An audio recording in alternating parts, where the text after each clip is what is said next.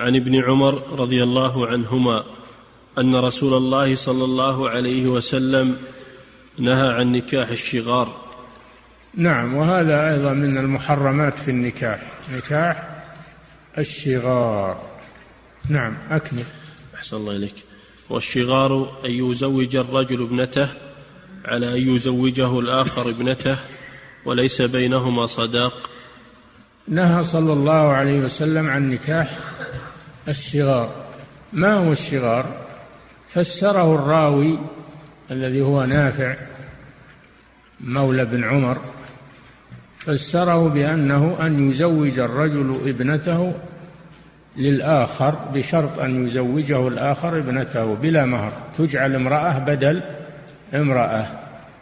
هذا تفسير الشغار من الراوي وإلا فالحديث عام نهى عن الشغار. نكاح الشغار. والشغار هو الخلو. الشغار هو الخلو. يقال مكان شاغر يعني خالي هو الخلو.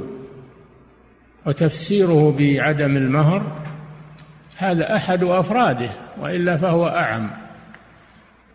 وإلا فهو أعم.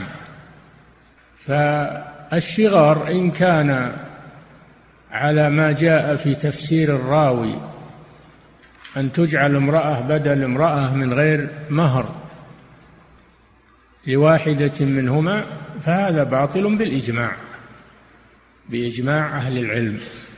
وأما إذا كان هناك مهر لكل واحدة منهما وليس فيه نقص على على إحدى المرأتين فهذا الجمهور على أنه لا بأس به.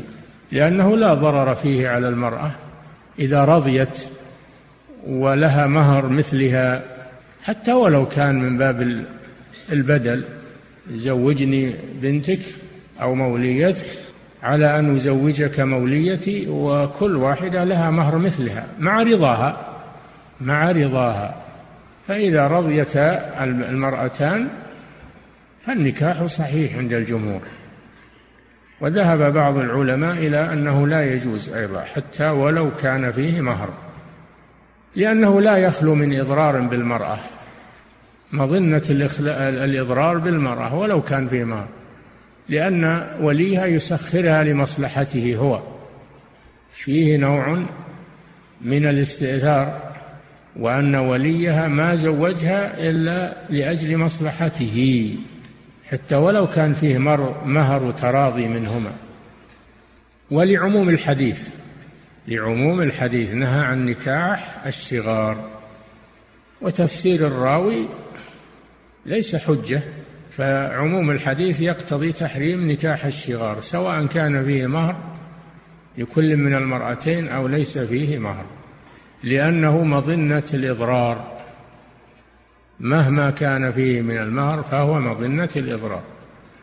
فلا يجعل زواج في مقابل زواج لأن هذا لا يخلو من الإضرار وإخضاع المرأة لمصلحة زوجها. وهذا ما أفتى به الشيخ عبد العزيز بن باز رحمه الله وكتب فيه رسالة رسالة نكاح الشغار. نعم. فهو يختار أن أن أن الشغار لا يجوز مطلقا ولو كان فيه مهر ولو كان فيه مهر. نعم.